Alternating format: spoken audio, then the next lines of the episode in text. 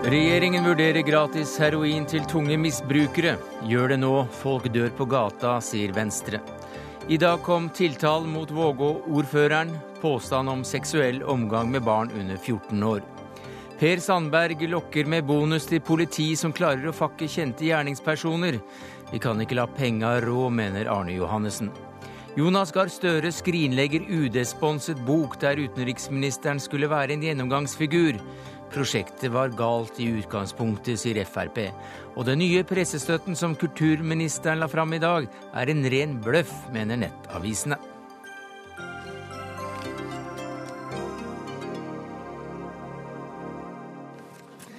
Ja, Det er noen av sakene i Dagsnytt 18 denne torsdagen, der vi også tar opp krig og fred i Sudan og slaget om Narvik. Men vi begynner med helseministerens tur til Sveits, der myndighetene i en årrekke har delt ut gratis heroin til de tyngste rusmisbrukerne.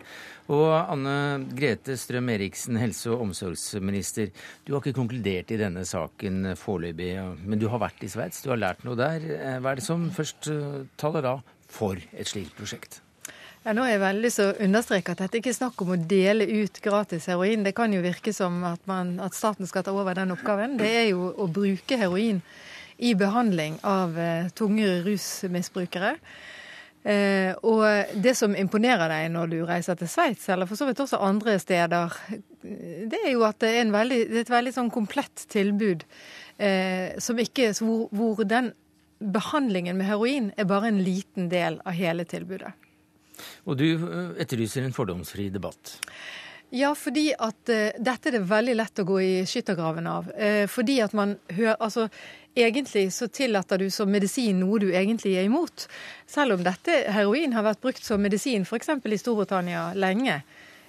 På, også på sykehus, sant? så, så har, ikke, har, ikke, vi det. Og dermed så er det Da blir det en veldig Da er det en innebygget motstand i oss. Det er stoff, det er farlig, det er rus.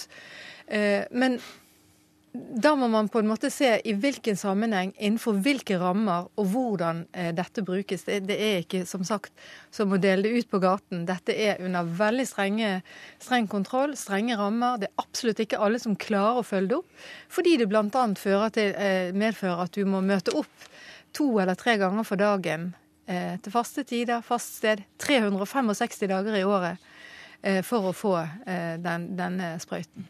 Hva er din kommentar til at eh, regjeringen nå vurderer dette, Ola Elvestuen, du er nestleder i Venstre? Nei, Det er jo veldig bra at eh, statsråden har vært i, Sveits, men nå, nå, har jo Venstre holdt denne fordomsfrie debatten, i hvert fall siden 2007. Og du får altså nå enda også en runde med vurdering. Bjarne Håkon Hansen var på samme rundreisen for tre år siden. Vi har hatt en, et Stoltenberg-utvalg som har lagt frem en eh, rapport som også omhandler heroinassistert behandling. Så det vi jo etterlyser, er jo snart at man også begynner med noen tiltak. Og det enkleste du kan gjøre, det er å åpne for forsøk med heroinassistert behandling også i Norge. Nå må det bli slutt på at vi bare sitter og vurderer, samtidig som det egentlig i, i hverdagen for rusavhengige så har det egentlig stått veldig stille, og for en del har det blitt verre i løpet av de siste fem-seks årene. La oss ta dette her med at regjeringen eh, sitter og vurderer nå på andre eller tredje statsråden eh, på rad, også Bjørne Håkon Hansen, var i Sveits på en lignende rundtur for to-tre år siden og ville ha en fordomsfri debatt. Den fikk han. Så har du vært i Sveits, og så har det vært i mellomtiden et Stoltenberg-utvalg, og så har det vært en ekspertgruppe, og så har det vært et konsensusmøte, og så skal dere igjen vurdere. Altså jeg tror at Selv om Venstre og Ola Elvestuen har vært veldig for dette, så er ikke det sånn at alle syns dette er veldig enkelt. Eh, og, eh, og, det tror jeg man skal ha respekt for, og at det òg er en utvikling i, i, dette. Og jeg må bare si selv at vi har på en måte ikke funnet det gode, komplette tilbudet.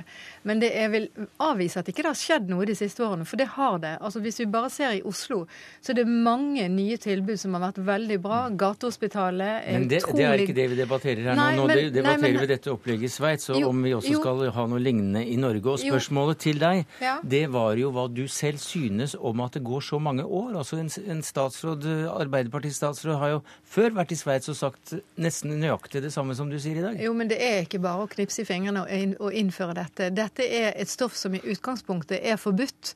Det er, eh, det er noe som vi må bare erkjenne at det er en innebygget motstand mot å ta i bruk denne type behandlingsmetoder. Det har det også gjort i andre mm. land. Det har vært lang eh, diskusjon, selv om Sveits har vært tidlig ute. 18 år.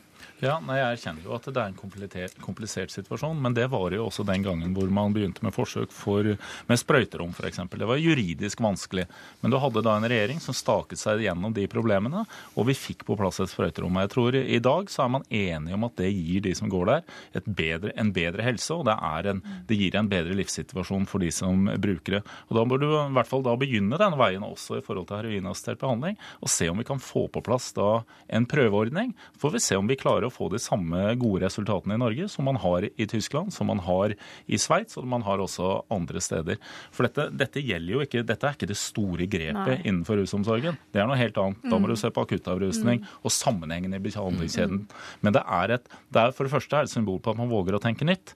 Og det andre så vil det hjelpe absolutt de tyngste eh, misbrukerne til å kunne få et eh, bedre liv og en bedre livssituasjon. Hva sier du til det, Kari Kjønaas Kjos, som ruspolitisk talskvinne i Frp?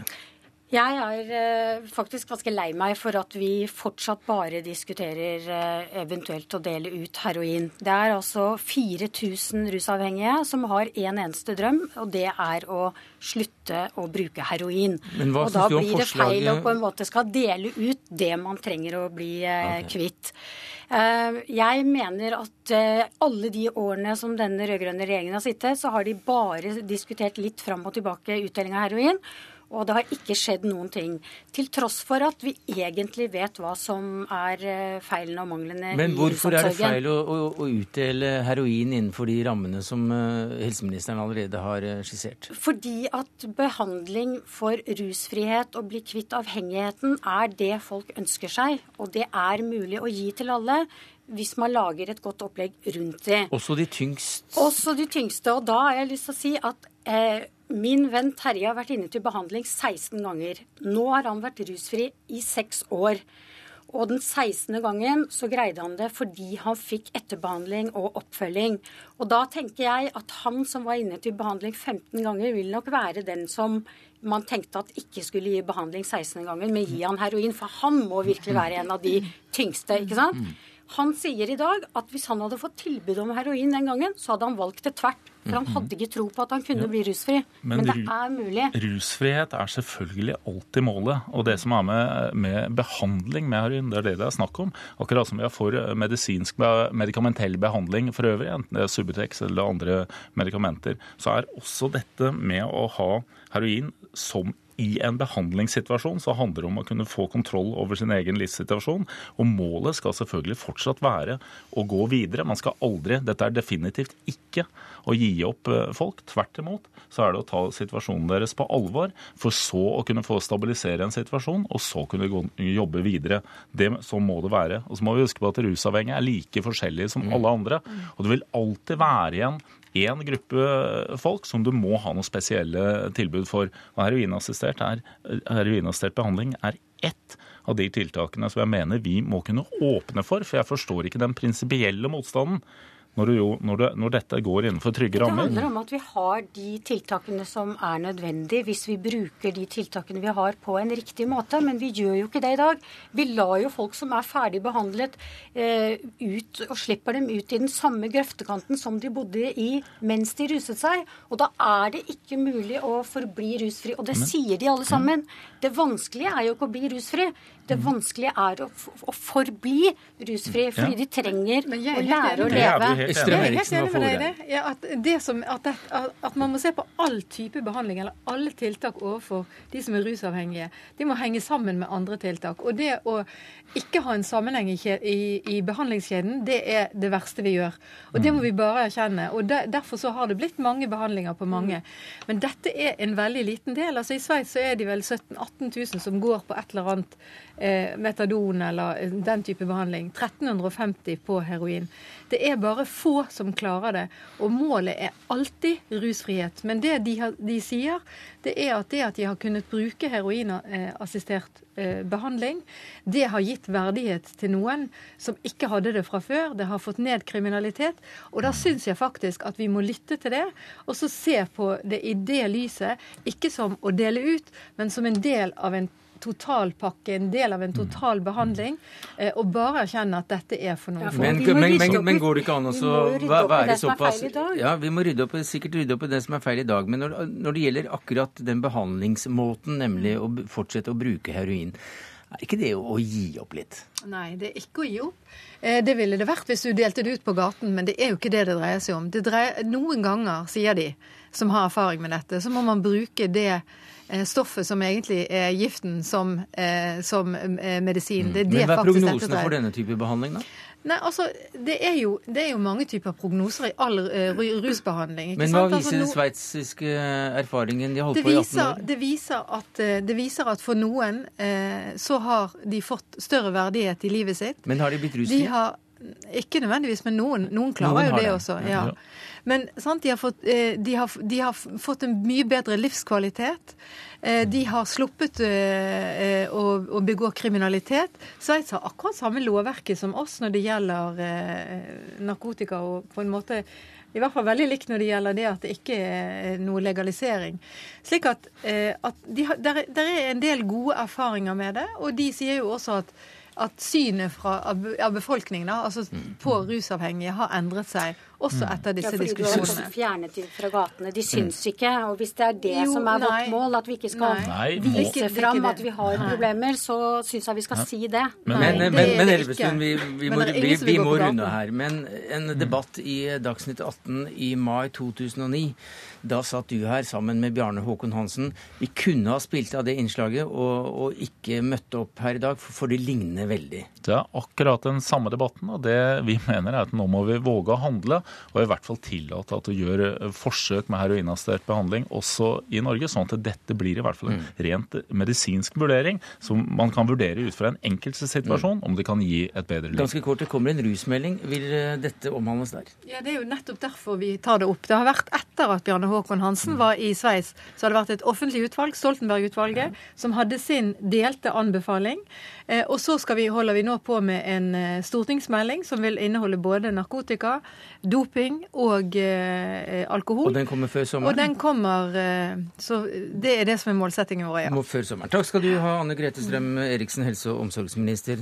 Ola Elvestuen, nestleder i Venstre. Kari Kjønaas Kjos, ruspolitisk, ruspolitisk talskvinne i Frp.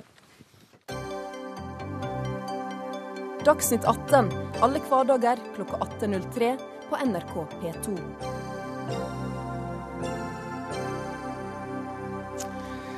I dag ble tiltalen mot den tidligere Vågå-ordføreren, eller han er fremdeles Vågå-ordfører, men eh, nå ute av den stillingen for øyeblikket. Han heter Rune Øygard, og tiltalen ble i dag gjort kjent. Han er bl.a. tiltalt for seksuell omgang med barn under 14 år.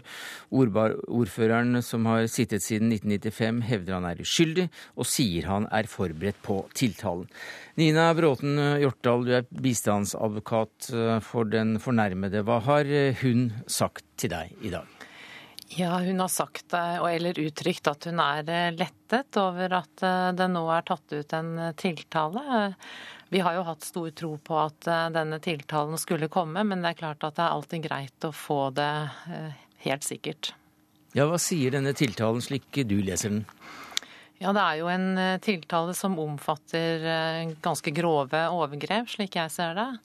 Det er eh, overgrep mot en jente under 14 år, og det er også gjentatte overgrep mot samme jenta da etter at hun fylte 14 år og fram til, da, fram til den saken her kom opp. da. Hva synes du og, og den fornærmede eh, om at tiltalen er offentliggjort? Altså, det er en slik karakter at vi leser den ikke opp i, i Dagsnytt 18 f.eks.? Nei, altså det er eh, egentlig veldig greit at eh, det kommer ut hva dette her handler om.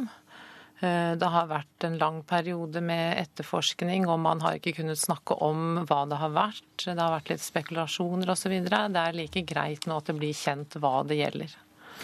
Ordføreren nekter all skyld. Advokaten hans hadde ikke mulighet til å stille her i Dagsnytt 18 i dag. Men hva har din klient sagt til deg om at den tiltalte avviser alle anklagene mot ham?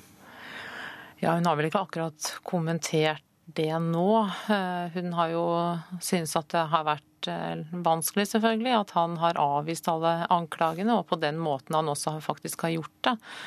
Eh, så det har jo vært mye blest rundt eh, ordføreren og hans eh, presisering av uskyld, og det må han selvfølgelig få lov å gjøre, for all del. Men, men det har vært brukt mye media og på et, et slikt omfang at det har ikke vært mulig for henne å, å vise seg fram på, på noe som helst slags tilsvarende måte. Magnus Takvam, politisk kommentator i NRK. Hvordan vurderer du tiltalen som ble tatt ut i dag? Det er jo en svært alvorlig tiltale, og det er et kraftig signal det faktum at eh, påtalemyndigheten, statsadvokaten, tar ut tiltale. I seg selv så er det et kraftig signal, fordi det er ganske sterke krav som Riksadvokaten stiller til eh, sine statsadvokater før de tar ut tiltale, nemlig at eh, man må være overbevist i påtalemyndigheten om at handlingen har funnet sted at vedkommende som eh, er beskyldt for dette, vet hva eh, vedkommende har gjort, at han er bevisst handlingen, og at det er mulig å da bevise dette i retten. Så retningslinjene er faktisk slik at dersom statsadvokaten er i rimelig tvil om noen av disse punktene, så skal det ikke reises tiltale. Så dermed så er det i hvert fall på generelt grunnlag slik at eh, det å ta ut tiltale i en sedelighetssak eh, der man veldig ofte opplever påstand mot påstand, når man tar ut tiltale der, så er det et, et kraftig signal. Samtidig hører vi også at ordføreren ser fram til eh, rettssaken, så han kan renvaske seg. Og hva slags nye opplysninger kan da komme til å, spille en rolle?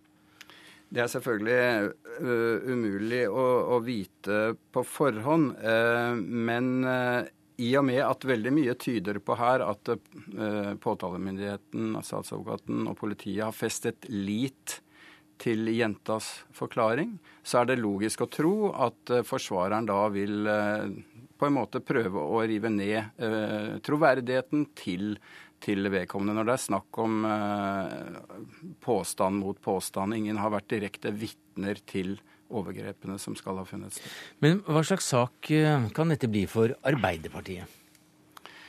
Det er klart for, uh, for det første så vil jeg si at det er en tragisk sak for begge de som er involvert. Både uh, mener ordfører og særlig denne jenta, som uh, i så fall har vært utsatt for dette hvis det viser seg at påstandene stemmer. Men for Arbeiderpartiet, Rune Øygard er ordfører i Vågå, en av partiets mest, kanskje den aller mest populære lokalpolitikeren i Arbeiderpartiet.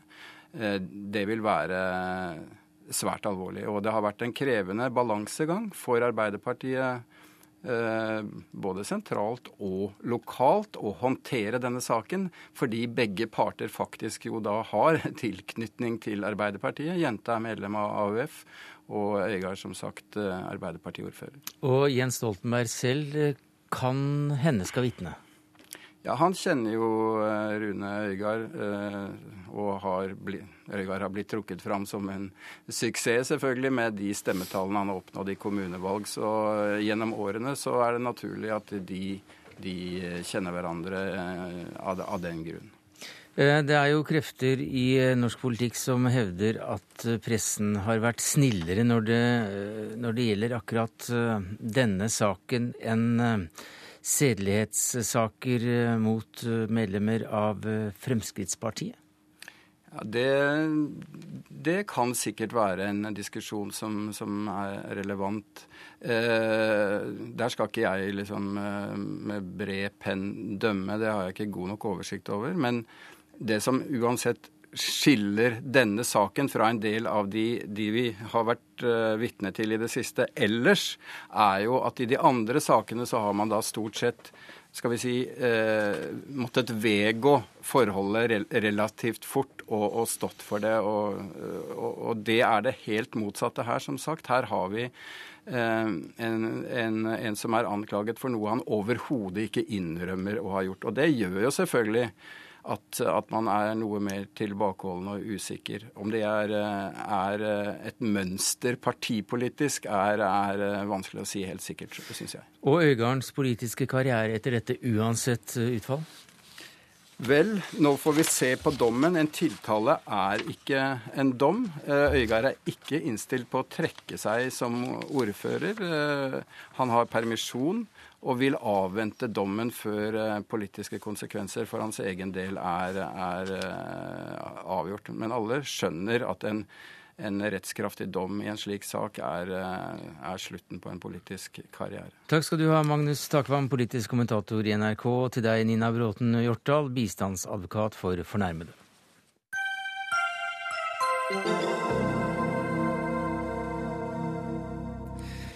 Politiet bør få bonus hvis de pågriper og får dømt kjeltringer i saker der gjerningspersonen er kjent. Altså litt mer penger for at opplagte saker ikke skal bli henlagt. Og hva er det du har funnet på nå, Per Sandberg? ja. Eh, det er rett og slett fordi at eh, problemet begynner å bli veldig omfattende. Eh, I forhold til at mange saker henlegges der at gjerningsmannen er kjent. Vi ser flere og flere tilfeller der at offer faktisk tar saken i egne hender, skaffer til veie bevis legge bevisene på bordet eller på disken til politiet, men sakene blir allikevel henlagt. Eh, det er grunn til å tro at eh, bare i fjor så var det nærmere 3000 saker med kjent gjerningsmann som ble henlagt. Og for meg så er det farlig, fordi at eh, det går på tilliten løs i forhold til politiet. Og Derfor så må vi skaffe til veie ordninger nå, sånn at vi får tatt unna det problemet, først og fremst. For det er det viktigste vi kan ta unna nå. Det er det at saker der kjent gjerningsmann blir henlagt, ta bort dem. Og derfor så har jeg sagt at hvis vi ikke greier å løfte da, det som Fremskrittspartiet har prøvd, de generelle budsjettene til politidistriktene, som absolutt er førsteprioritet. Mm. Men når vi ikke greier det, la oss da legge en bonusordning på bordet, mm. sånn at det ikke går utover de budsjettene og prioriteringene som politiet allerede gjør. Mm. Ekstrapott. Kanskje må man jobbe litt ekstra noen, Arne for å ta unna disse sakene, og det er det som er mitt forsøk her. Og han som FrPs justispolitiske leder også kaller for Arne, det er deg, Arne Johannessen, leder i Politiets Fellesforbund. Hva, hva sier du til forslaget? Nei, jeg synes dette, Mer penger? Ja, jeg syns dette er et dårlig forslag. Altså Problembeskrivelsen er nok Per Sandberg og jeg veldig enig i. Og dette med saker med kjent gjerningsmann er helt uholdbart at det blir liggende. Mm. Men dette er ikke medisinen. Jeg syns han burde gått mye dypere inn i problemstillingen. Dette ser jeg som populistisk, lettvint forslag. Det må jeg bare si. Det jeg hadde faktisk venta, hvis vi kunne hatt en skikkelig debatt om f.eks. en lettere rettergang på saker der det er kjent gjerningsmann. Vi har i Norge et utrolig mm tungvint rettssystem. Men la oss droppe akkurat den nå, og heller ta dette, dette, som altså du eh, kaller populistisk forslag? Jo, men uh, populistisk, altså jeg søker å få til løsninger for at ikke politiet skal få enda mer svekka tillit, for den er dalende. Og jeg viser til Riksrevisjonens rapport, som faktisk i, i punkt 3.6 peker på akkurat dette her som et kjempestort problem. Hvis tilliten til politiet faller noe mer nå, så kan det være dramatisk. Og Det er derfor jeg søker å finne og kaller gjerne, populistiske gjerne populistiske løsninger. Men jeg vil i hvert fall ha en løsning. Men når han peker på rettergangen, og, eh, og, byråkratiske retterganger og tungvinte retterganger, så er vi også helt enige. Men her er det altså snakk om saker som faktisk blir henlagt i løpet av sju-åtte timer. Ja, men, men, Per Sandberg, altså hvis du tenker på at du skal gi bonus for visse typer områder, mm. så hva da med områder som egentlig burde vært løfta enda høyere til prioritering? Hvis du skulle snakke om bonusordning, ja vel, skulle du hatt bonusordning for eh, de politidistriktene som er gode på oppklaring av voldtektssaker, på drapssaker. Dette er feil vei å gå. for at du vil, La meg snakke ferdig. Du vil kunne flytte fokus og prioritering fra saksfelt som burde egentlig ha enda høyere prioritet. Det vi må gjøre, det er å få den totale mm. volumet på kroner høyere. Det er du og jeg enig i. Mm. Og så tror jeg hvis vi ser på saker med kjent gjerningsperson, så bør det være råd å få de raskere gjennom systemet. Det er bare til å reise til Sverige og studere mm. system, og se hvor raskt du får gjennom sakene i strafferetten. Jo, Johannessen, jeg hører nå at du har mange andre gode forslag, mm. men nå forholder vi oss til det Per Sandberg foreslår. Ja. For å ta bråden av den utviklingen som han mener altså går på tilliten løs når det gjelder forholdet til politiet. Ja. Men, men, å tilby at du skal få ekstra penger for ett spesielt område Ja, Hva er det som er så galt med det? Jo, det er galt for at jeg tror det vil føre til skjevprioritering. Og jeg tror Nei. at du kan faktisk eh, føre til at du nedprioriterer andre Viktige typer oppgaver. saker. Nei, nei, nettopp derfor. Andre viktige oppgaver. Nettopp derfor så må det være en ekstraordinær ordning, en bonusordning som er øremerka akkurat til saker der hvor det er kjent gjerningsmann. Ja, men ta det. det altså, du får ikke mer penger. Nå skal jeg få lov til å snakke ferdig. Jo, men den, de budsjettene som ligger der i dag, skal fortsatt kjøres opp imot de andre sakene. Mm. Så foreslår jeg en ekstra pott, sånn at ikke disse prioriteringene som allerede ligger der i dag, skal lide mm. under det. Litt ekstra penger. Kanskje må noen av dine jobbe litt ekstra, litt mer overtid, for å ta unna akkurat disse sakene. Og da sørger jeg for å legge litt mer penger i driftsbudsjettene deres som en bonusordning, sånn at det ikke skal gå utover alt det andre arbeidet de gjør. Ja. Men uh, dette har jeg rett og slett ikke tro på. For det første så snakker du om mer penger som skal ligge på toppen. Uh, de pengene bør vi heller bruke til å gi generelt Men Det sa jeg innledningsvis. Ja. Men det får vi ikke til med Arbeiderpartiet. Nei, det, der er du og jeg enige at vi bør, bør, få enda mer. Mm. Men det som er det verste med forslaget hans, det er at du vil kunne skyve fokus fra andre prioriterte saker. Og det er jo helt enig i forhold til de med kjent gjerningsperson. Men det er altså for lettvint forslag å si at da skal det gi ekstra penger. Jo, men jeg er enig i at det er lettvint. Jeg er enig i at det er lettvint. Ja, men, det er at men, men, men, det, men, det, er rett og slett nødvendig. Og hvorfor skal vi da gjøre det vanskelig? Så legger jeg på bordet et lettvint forslag mm. som kanskje kan løse et av de største problemene politiet har i forhold til tillitsbygging nå, ut ifra Riksrevisjonens rapport, og så sier du nei til det. Jeg er helt enig med deg, Arne, i forhold til at det er de grunnleggende budsjettene som må, må økes. Mm. Men det får vi altså dessverre ikke til med ditt parti, Arbeiderpartiet. Og da må vi finne på ekstraordinære løsninger, sånn som jeg foreslår her. Er ikke du Per Sandberg redd for at det flytter fokus fra vanskelige saker og på en måte premierer de politidistriktene som tar de lettvinte løsningene? Nei, men hører er du ikke redd for det? Hører ikke hva jeg sier? Jeg hører hva du sier. Ja, det, det budsjettet som ligger der i dag, ja det skal ligge der. Mm, det hører. Og, og, da må man ta den jobben som går på generelle politiarbeid der, med voldtekter osv. der. Her legger vi noe på potten, sånn at man ikke skal nedprioritere det. Her blir en øremerka ordning som er knytta opp til en spesiell utfordring som politiet har. Og andre også har. Men hva, hva med stykkprisfinansiering for eh, Eller hvis man får penger for antall år eh, som man får kjeltringer dømt for, da?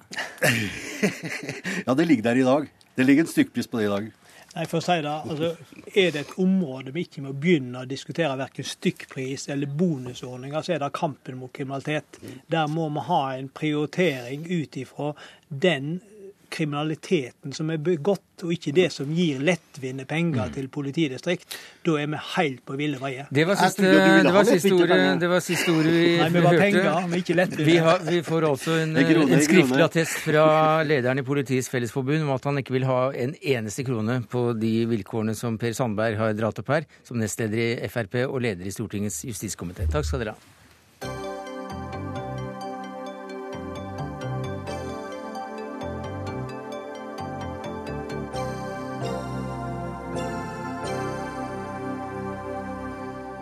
Ja, Utenriksminister Jonas Gahr Støre har altså i dag eh, valgt å droppe dette bokprosjektet som har fått en del kritikk den siste tiden. UD skulle som kjent bla opp en million kroner til en bok om internasjonale forhold fram mot 2030.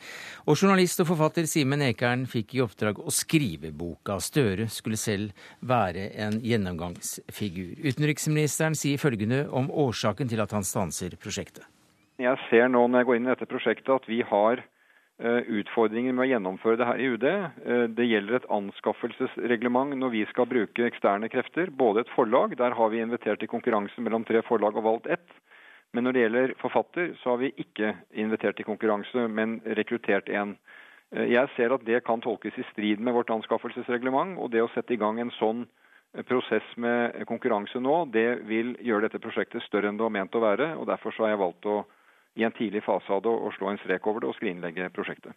Morten Høglund, utenrikskomiteen for Frp. Du har sagt at eh, dette bokprosjektet aldri burde vært satt i gang. Hvorfor ikke?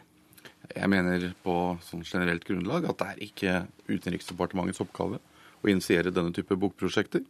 Det kan miljøer utenfor UD gjøre veldig godt. Enseinstitutter, forlag, forfattere. Og Utenriksdepartementet bør i større grad da konsentrere seg om å utøve aktiv utenrikspolitikk. Og så kan de overlate denne type debattskrifter og, eller bøker til andre ja, miljøer. Det? Jo, jeg mener det, det tar oppmerksomhet, og det er ligger jo også litt føringer i det når det er UD som på denne måten setter i gang øh, og skal altså, lede den breie debatten om utenrikspolitikk i Norge. Det, jeg har ingen problemer med at UD oppmuntrer til det eller gjør aktiviteter i forhold til det. Og de har gjort en god del i forhold til debatter rundt omkring i landet, dette Refleksprosjektet, som har mye godt ved seg. Ja, Refleksprosjektet har jo også utgitt bøker. Ja, det, det, har det, men ja, og eh, Det støttet du også, men ikke denne her. Hvorfor ikke? Nei, Nå har ikke disse bøkene vært til konkret uh, behandling i det her, men nå var det et, uh, en samtalebok hvor uh, utenriksministeren skulle være en gjennomgangsfigur. Og eh, man skulle dra dette et stykke videre. Og det er jo også et betydelig beløp det her er snakk om. Og, en eh, million kroner er ikke akkurat eh, de største summene som farer gjennom Nei, det er det ikke. vandrehallen. Jeg tror, jeg tror nok mange vil mene at det er, det er, mye penger å bruke i forhold til et bokprosjekt som jeg mener det er, ikke, det er ikke slik at det er UDs oppgave og ansvar å stå for den type den type debattskrifter. Men er det først og fremst fordi at eh, Jonas Gahr Støre skulle være en slags døråpner, en gjennomgangsfigur i dette prosjektet, eller er det fordi at eh, det er ikke eh, opp til UD å skulle skape grunnlag for politisk debatt? Nei, det er fra min side så har det ingenting med personen Jonas Gahr Støre å gjøre i denne boken. Det har med hva som er UDs rolle, og at man bør skille litt på det. Og Refleksprosjektet har gått sin gang. Det har hatt sin funksjon. Men eh, jeg oppfatter her at man tærer ut dette i et, eh, i et, eh, i et veldig langdrag og, og, bruke ressurser og krefter på områder hvor UD burde vært mm. langt mer tilbakeholden. Mm, for å bare oppklare det, altså dette refleksprosjektet som du sikter til flere ganger, det var et prosjekt som skulle stimulere nettopp til en bredere debatt, bl.a. ved utgivelsen av et par bøker som ble satt mm. til debatt også her i Dagsnytt 18. Magnus Takvam, politisk kommentator fremdeles her i NRK. Hva slags sak her vi har da? Vel, eh, denne saken eh, må nok ses i sammenheng med det si, trykket som er mot eh, Jonas Gahr Støre i den aktuelle saken omkring hans påståtte inhabilitet i forhold til Tschudi. Så jeg tror at det som har skjedd med, i forbindelse med dette bokprosjektet, må ses i lys av det. Så uten Tschudi-saken så hadde ikke denne saken, boksaken, blitt som den har blitt? Vel, jeg tror ikke det. Eh, min vurdering er i hvert fall at eh, det virker som en overreaksjon å, å faktisk avlyse bokprosjektet, som tross alt er kommet i gang. Jeg tror eh, Simen Ekern har gjennomført to av ti planlagte intervjuer. Det er brukt en del hundre tusen kroner allerede på prosjektet. Og selv om det sikkert kunne stilles spørsmål ved om man burde ha hatt et anbud blant tre forfattere, og ikke skal vi si, håndplukket én, så, så, så, virker ikke det så graverende at det i seg selv gir grunn til å avlyse prosjektet, sånn som jeg ser det. Så jeg føler nok at det er en beslutning som, som, eh, som uh, har med smitteeffekten over på den andre saken å gjøre, der det er strategisk uh, lurt, sikkert, å rydde litt vekk, slik at man i hvert fall ikke har konflikt gående mer enn i én uh, vanskelig sak. Ja, For det virker jo som elefanten i rommet der denne avgjørelsen ble tatt, det er jo den andre saken, nemlig Tschudi-saken, som, som, virker mye, mye, mye større for oss lesere enn en det akkurat om man skulle spurt flere forfattere. Ja, Nei, nettopp. Og det er som sagt min vurdering at det er den reelle årsaken. Selv om man Eh, kan hevde at uh, i en uh, på en måte streng tolkning av reglementet, så, så, kan man kanskje hevde at man burde, burde utlyst anbud om, om, også forfatterne. Men man har da faktisk hatt anbud når det gjaldt forlaget som skulle ta på seg dette. Så det er ikke noe clear cut mm, brudd på, mm. på reglene, syns jeg, men det, det er nå min vurdering. Høglund, Støre skrev jo selv denne bestselgeren 'Å gjøre en forskjell'. Og opplaget ble styrket ved at alle UD-ansatte fikk et eksemplar til jul. Heller ikke den boka ble satt ut på anbud, men altså delfinansiert av, av UD selv. Hva syntes du om den? Boka var lesverdig og god. uh, inntektene fra boka ble gitt til gode formål. Jeg har ikke noe behov for å gå i veldig sterk kritikk av den i ettertid, men jeg syns at det kunne nå være på tide å skrinlegge ytterligere bokprosjekter initiert av UD. Men jeg må jo si dette er ikke verdens største sak, og heller ikke den største saken i Norge.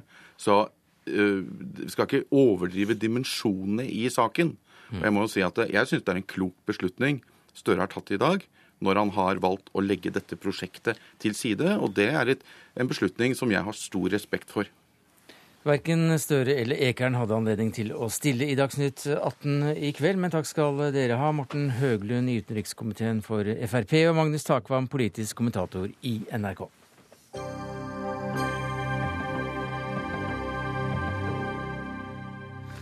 I dag skal utsendinger fra Sudan og Sør-Sudan møte hverandre i Addis Abeba for å diskutere sikkerheten i grenseområdene mellom de to landene. Og Tom Christiansen, tidligere Afrikakorrespondent, blir det noe toppmøte? Ja, Det blir iallfall et møte i Addis Abeba, men om det blir toppmøte er ikke godt å si, fordi toppene kommer kanskje ikke. Al-Bashir, Sudans president, er i Bagdad på det arabiske toppmøtet. Han har avlyst å møte sin motpart Salwa Kiir, men de kommer sikkert til å møtes. Men det han sier er at selvfølgelig skal vi finne en løsning med våre sørsudanske brødre. Og begge parter har i dag og i går sagt veldig tydelig fra høyt nivå at vi går ikke for noen krig mellom nord og sør. Glem det. Vi stiller ikke opp på det. Men det har også vært tre dager med kamphandlinger. Ja, Hva slags situasjon er det som har oppstått i de siste dagene? Ja, det er man jo ikke enig om. Sør sier at nord bombet sør for grensa. Og så svarte de med å rykke nordover inn i Sudans oljeområde, hvor de produserer olje. Nå er de drevet tilbake. Nord sier det motsatte, at fordi Sørs soldater gikk over grensa og inn i oljefeltene våre, så måtte altså vi bombe i sør. Nå har de sluttet å bombe, de har trukket tilbake soldatene, Sør har trukket tilbake soldatene, så nå er alt ja, jeg vil vel ikke si helt ryddig, men altså i området her det ligger jo altså rykende tanks, det er soldater som ligger drept, og ser du nærmere på dem, noen av dem har utstyr som kommer fra en geriljabevegelse i Darfur, andre fra sånne militsgrupper som nord har brukt i grenseområdene, nomader, sånn at det er soldater, militssoldater. Det er litt det er uryddig, for å si det mildt. Men hvis da både presidenten i sør og i nord er enig med at dette bør ikke bli krig, hvem kan da ha interesse av å fyre opp under uenigheten? Nå må du først huske at dette er to land som har vært i krig i 20 år, og før det igjen nye 20 år, så de er lette på avtrekkeren, i, spesielt i nord. Men al-Bashir ønsker jo ingen krig simpelthen fordi det ikke vil lønne seg for ham selv. Men det er jo mange forskjellige lag i hans parti og innenfor hæren som har en annen oppfatning. Det er mange i nord som mener at al-Bashir solgte ut landet da han gikk med på at sør skulle bli egen stat. Og 80% av oljen forsvant til sør. Så det er mange som mener at han har ødelagt nord, og derfor er det en del som ikke vil ha disse avtalene som man skal nå inngå i Addis Abeba. De vil gjerne hindre det. Så jeg ser ikke bort fra at det kan være folk innenfor hæren eller innenfor partiet som altså har initiert disse bombetoktene, simpelthen for å ødelegge noen forhandlinger. Men når du da ser på årsaken til konflikten, så er altså da 80% som du sier, av, av oljerikdommen, den ligger nå i sør.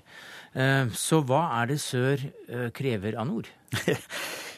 Den olja kan de jo ikke bruke selv, de må selge den. Og den går i en oljerørledning, gud hjelpe meg, gjennom nord, ut til havet, ut i Rødehavet. Sånn at eh, Nord krever nå en solid avgift. De har mistet hele inntektsgrunnlaget sitt, noe må de ha igjen. Og de krever en kjempehøy avgift for at den eh, oljen skal pumpes gjennom. Og det sier Sør nei til. Og det er det de skal forhandle om, en, en, en oljeavtale. Så har det jo vært noen tilfeller hvor Nord har stjålet Sørs olje, de har beslaglagt noen tankskip osv. Men dette har al-Bashir og hans, eh, hans eh, president presidenten i Sør-Sudan, Salwa Kiir, blitt enige om og funnet løsninger på. Så når de to karene kommer sammen igjen, så finner de løsning på dette også. Og slik går det i Sudan voldsomme sammenstøt fordi at de har litt for få løsningsmodeller. De er jo militære, hele, hele gjengen er jo militære. De kommer jo fra bushen, hele gjengen, og har tatt på seg slips og, og, og er blitt politikere. Og så kjenner de hverandre, og så finner de løsninger, og så finner de ut av at eh, krig, det vil vi ikke ha. Men så blir det noen trefninger likevel. Du jobbet som FN-finansiert rådgiver for Sør-Sudans president i to år. Du skrev en bok om den eh, tiden. Eh, mange har altså da spådd en storkrig mellom disse landene, men ikke du. Hva er det som gjør at du er optimistisk? Jeg tror at det kommer til å være mange sammenstøt. Lokale sammenstøt før de får en avtale om uh, oljen, og før de også får trukket grensene, for de er de jo heller ikke enige om. Og de må ha en porøs grense for nomader kommer og går osv. Alt dette her Her har det vært konflikter i hundrevis av år, men den har vært på et lavt nivå. Og så kom maskingeværet, og så blir det store konflikter ut av de små konfliktene. Og sånn vil det fortsatt være. Men den store konflikten mellom Sudan og Sør-Sudan, den vil ikke komme.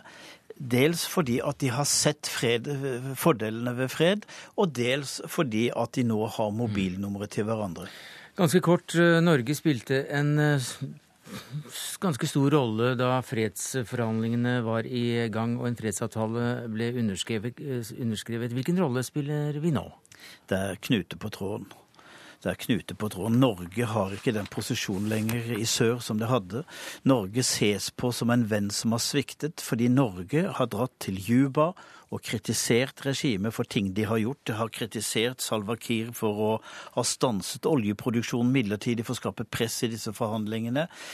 Sist var det statssekretær Torgeir Larsen fra Utenriksdepartementet som var der. En fyr de ikke har sett før, og som kommer og er kritisk og minner dem på at Norge har mange millioner å gi, men det må være orden på sakene. Samtidig hører de ikke at Norge kritiserer regimet i nord, hvilket Norge i og for seg gjør.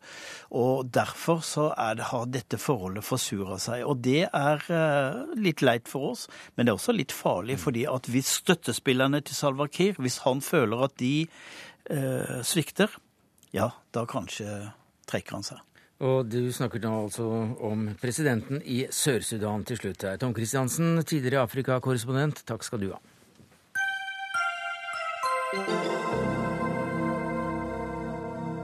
Kulturminister Anniken Huitfeldt sier hun vil endre pressestøtten slik at ordningen blir plattformnøytral. I forslaget står det at det ikke lenger skal være et krav om å utgi papiravis i tillegg til nettavis. Og Gunnar Stavrum, som ansvarlig redaktør for Nettavisen, så får vi da gratulere deg med dagen.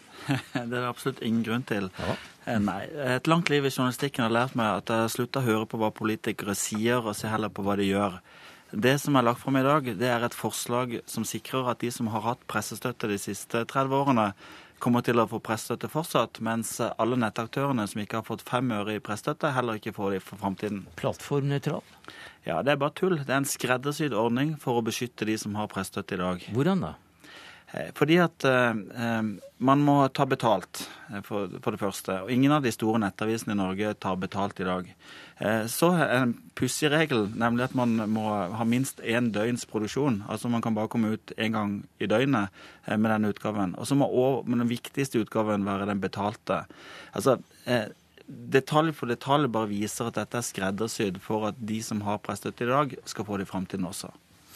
Kulturdepartementet kunne ikke komme hit i dag, så da er det ekstra hyggelig å ha deg her, Arild Stokkan Grande, representant for Arbeiderpartiet i familie- og kulturkomiteen på Stortinget. Har Stavrum lest dette notatet riktig? Ja, det kan jo være sånn at man legger litt ulike ting eh, i det man leser, men det som er helt klart, er at eh, den pressestøtten vi har hatt, den har sørga for at eh, Norge er blant verdens mest avislesende folk. Men det er altså ikke tema i Dagsnytt 18 i dag. For vi jo, men det, det, det, det er det den omlegginga her handler om. Jo, det, at vi skal sikre et mangfold og sikre god kvalitativ journalistikk. Stokkan Grande, det, Stokkan Grande ja. et øyeblikk. Jeg må nesten få avbryte deg som programleder. fordi vi hører jo her at kulturministeren presenterer et nytt uh, system mm. som, uh, parti, som plattformnøytralt. Mm. Og dette går altså Stavrum rett imot. Og hva sier du til den begrunnelsen hans? Nei, altså Vår ambisjon er å sørge for at du har uh, stimulerer til mediemangfold, uh, god kvalitativ journalistikk uh, og ja, en, ordning, jo, en, ordning, hvor det skal være betalt ut ifra en nettside eh, ut ifra antall klikk, det tror jeg ikke nødvendigvis er en ordning som stimulerer til mediemangfold og til eh, god kvalitativ journalistikk. Ok, Så er du ferdig med det, men forhold deg nå til kritikken fra, fra redaktøren her. Hva sier du til den? Jo, men Vi som politikere kan ikke bare ta hensyn til én enkeltavis eller eh, et spesielt hensyn. Vi må ta hensyn til hva er det som kan sikre mediemangfold, hva er det som kan sikre at vi fortsatt er et avislesende folk, at du har aviser over hele landet, at vi har god kvalitativ journalistikk. Alle disse hensynene har vi klart hittil å bære båret veldig godt gjennom eh, pressestøtten. Men så ser vi at verden forandrer seg, mm. og nå går folk gradvis over på digitale medier. Mm. Og da må vi følge etter og modernisere det. Hva sier du til eh, dette svaret? Nei, Jeg sier at dette føyer seg inn en lang tradisjon hvor mediepolitikken er langt etter medieutviklingen. Eh, alle som følger med, vet at leserne, og for så vidt også annonsørene, for lenge siden vendte papiret ryggen og gikk til nett. De store norske avisene som vokser, er nettmediene, mens papiravisene sliter. Det jeg hadde drømt om, eh, jeg må si, jeg hadde ikke stor tro på det, men jeg hadde drømt om, det var at man ville lagt, benytte denne sjansen til å legge om mediestøtten, sånn at man faktisk støtter journalistikk.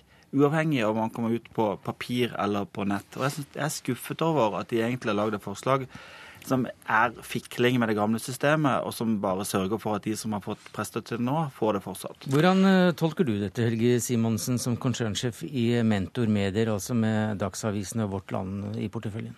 Nei, jeg synes at det, det, Kommentaren til Gunnar Stavrum bærer preg av at han er veldig skuffa, og han har misforstått ganske kraftig hva som er hensikta med pressestøtteordninga.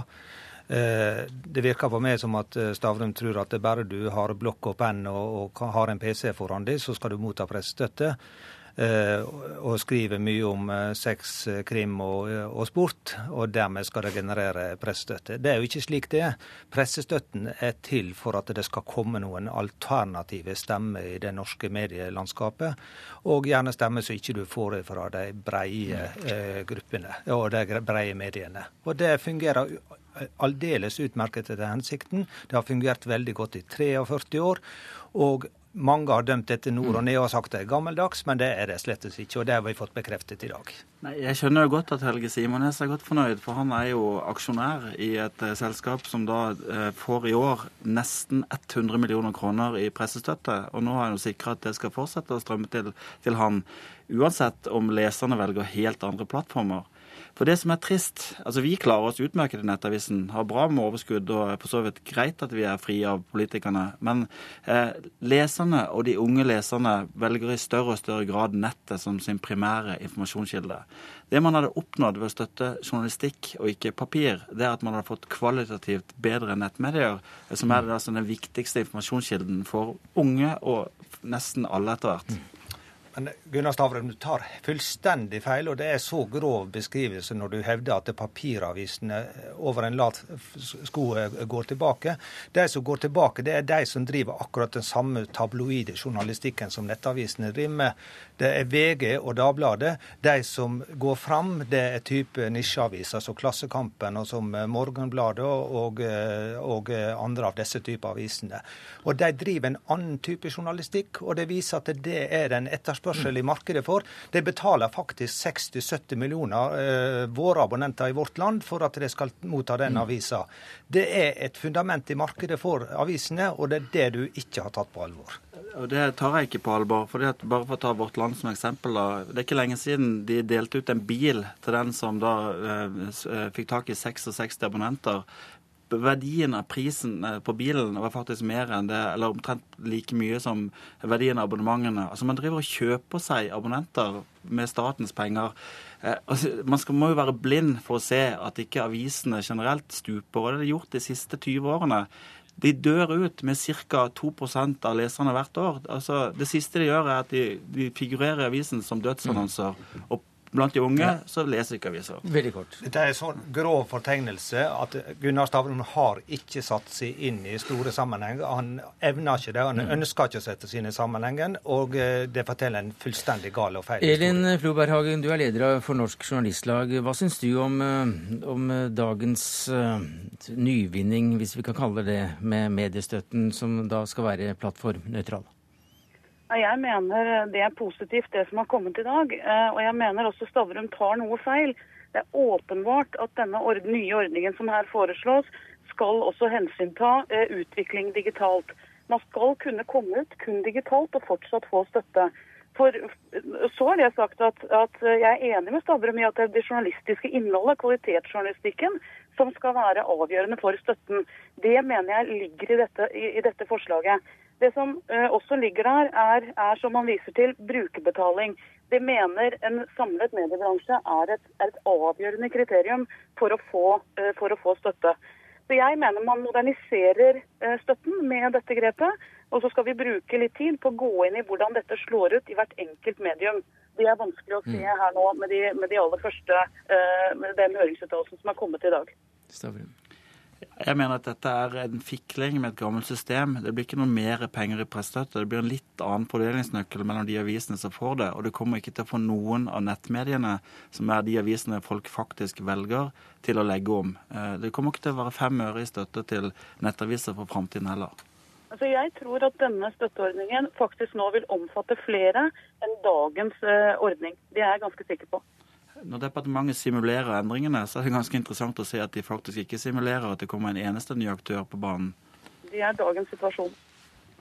Men det er jo ikke vanskelig Gunnar Stavrum, for det, og hvis du ønsker å motta pressestøtte, at du bare begynner å ta betalt for det innholdet du tilbyr. Og, og så er jo det veldig interessant å se hvordan markedet måler det, det du tilbyr, hvis de skal ta betalt for det. Er det så veldig vanskelig akkurat dette, da? Altså, Vi har 450 000 lesere hver dag som velger oss. Det er betydelig flere enn de som velger å lese Vårt Land eller Dagsavisen. Eh, og selv om vi ikke gir bort biler til folk som, eh, som gir oss abonnenter, så viser at leserne at de faktisk foretrekker våre aviser. Og det, vi ser ingen grunn til å forandre på det, fordi om det kommer en, en liten endring i pressestøttereglene. Men, men hvis du greier å se forbi eh, en bil eller to, Stavrum, og så ser at, at en abonnent hos Vårt Land betaler 2500-3000 kroner for å ha et årsabonnement, og den samme abonnent gjør det også for Dagsavisen.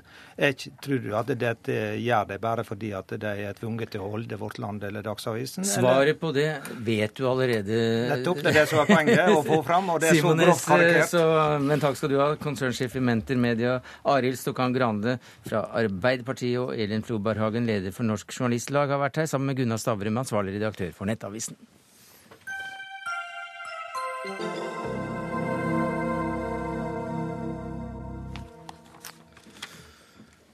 Ja, hvor viktig var jernmalmen fra Kiruna via Narvik havn for Hitler, Alf R. Jacobsen? Ja, for å si det om det er oppsidig som de lærde. Eh, Men det som er helt sikkert, er at svenskene hadde, og har fortsatt i Kiruna, verdens rikeste forekomst av jernmalm. Og den er spesiell, for den har altså 60-70% innhold av jern. Mens en vanlig bare er 20-30 Slik at du kan altså, ved å bruke denne malmen, få mye mer ut av hver skipslast, for å si det sånn. Og Hitler, Hitlers Hitler, Malmen var altså dekka for 60% av hans behov for stål, altså panserstål. Ja. Og dette åpner du eh, den nye boka di fra mm, angrepet på, på Norge, og nå heter den 'Angrepet ved daggry'. Dette åpner du boka di med. For dette behovet til Hitler, det var jo noe alle, alle visste om. Og også en, eh, en kar som Churchill, og du refererer han i boka. og Kan ikke du lese det? Det han sier om viktigheten av og at Narvik må, må holdes unna hendene til, til nazistene? Ja, og Dette er altså i det, hans hovedmemorandum som han skrev høsten 1930. Han sier altså en effektiv stans av jernbanetrafikken fra Narvik fremstår som en av krigens hovedoperasjoner. I mange måneder fremover har vi ikke anledning til å foreta noen annen aksjon som gir så gode muligheter til å forkorte krigens sløsing og ødeleggelser, og som kanskje også kan hindre det veldige blodbadet som vil oppstå når hovedarmeene støter sammen. Dette er, jo, dette er jo Churchill på sitt uh, oratorisk beste. Men han og mange andre, og også moderne forskning, viser jo at han hadde rett. Hvor rett han hadde, får vi aldri vite. Men Hitlers krig var en erobringskrig, for Tyskland hadde ikke sjøl disse metallene som de trengte for å lage våpen. Så de måtte hente det fra andre steder. Å kvele tilførselen vil også svekke landets evne til å føre krig. Og hvis man ser når man kjenner altså Goebbels dagbok, som jo er en relativt ny kilde for, for vår forskning Så når Hitler og Goebbels spaserer i, i, i hagen utenfor Rikskanselliet i Berlin om kvelden 8. april, mens armadaen er på vei mot å ta Norge og Danmark, så sier jo Hitler vi må vinne krigen i år. Altså, De har bare ett år på oss. Og det er jo fordi at han ser at Tysklands, Tyskland har ikke nok råvarer til å kunne føre en langvarig krig. Denne krigen eh, handler om de eh, dagene som, eh, som ble ganske avgjørende. Og, og, og der også de allierte vant det du mener er det første slaget. Ja, ja og Narvik er en serieslag. Først må vi si sant, at eh, jernmalmen som kommer ut over Narvik, gjør jo at byen var internasjonal, som Mm. den er i dag. Den var altså i sentrum for stormakts, stormaktsinteressene helt fra høsten 39. Og, og, og, og eh, britene vil gjerne også okkupere Narvik, eh, eller for å provosere fram en tysk aksjon for å stoppe jernmalmen. Eh, og, og, men, men tyskerne vant altså det som noen kaller kappløp, som, kanskje, men som altså er en rivalisering mellom stormaktene om å komme først dit. Tyskerne kom først. eh, Og så er det jo Churchill gir beskjed til marinen hans som er ute, at de må slå tilbake og forsøke å ta Narvik tilbake. Og det er det første slaget, som jo finner sted 10. april. Og med en viss suksess. Ja, de, de, det er jo bokas hovedperson. Og det er jo mannen som fikk det første Victoria-korset, altså for, som er britenes høyeste utmerkelse for tapperhet, eh, kaptein Warburton Lee. Eh, Og han leder altså sine små fartøyer inn i Narvik havn mot en, en langt overlegen fiende, og påfører Tyskland eh, eh, det første sjømilitære eh, eh, nederlaget, som jo da blir innledningen til den langvarige striden om Narvik, som kulminerer først ut i mai. Og som eh, de tar videre med seg lærdommen av når de eh, planlegger D-dagen. Men det var også et menneske inni en tysk kommandørfrakk. Du skriver om at norske styrker var uforberedt, og at det var en tysker som het Friedrich Bonte, som, som tvilte på om han skulle trykke på avtrekkeren. Ja, eh, i, i jagerstaben var det jo, og flere av hans kapteiner, flere av de tyskerne som ledet angrepet, var jo antinazister. Mm. Bonte var, eh, var eh, hevder man, mange antinazist. Han døde jo under slaget ved Narvik, så vi vet jo ikke helt sikkert. Men mange av hans kapteiner som har vitne på siden, som jeg har funnet fram til, viser jo det at han er tvil. Og når han kommer inn fjorden, og Narvik ligger der uforberedt, og han møter de to norske panserskipene, som jo er fra relikvier fra før fra et annet århundre. Og han, han skjønner jo at de er sjanseløse, og at, at det er nærmest et mord å gå til angrep på dem. Så, så nøler han altså så lenge at det er jo, det er jo den nazistiske generalen Dietl som gir ordren om å senke Eidsvoll.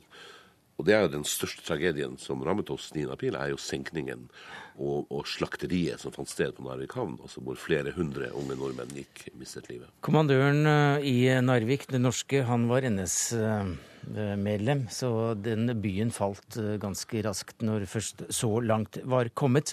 Men ganske kort til slutt her, du sier til Dagbladet at framstillingen nok ikke passer helt med det som til nå har vært det offisielle bildet av det dystreste kapittelet i norsk historie. Hvorfor ikke? Dagbladet skriver, hva jeg sier. Det.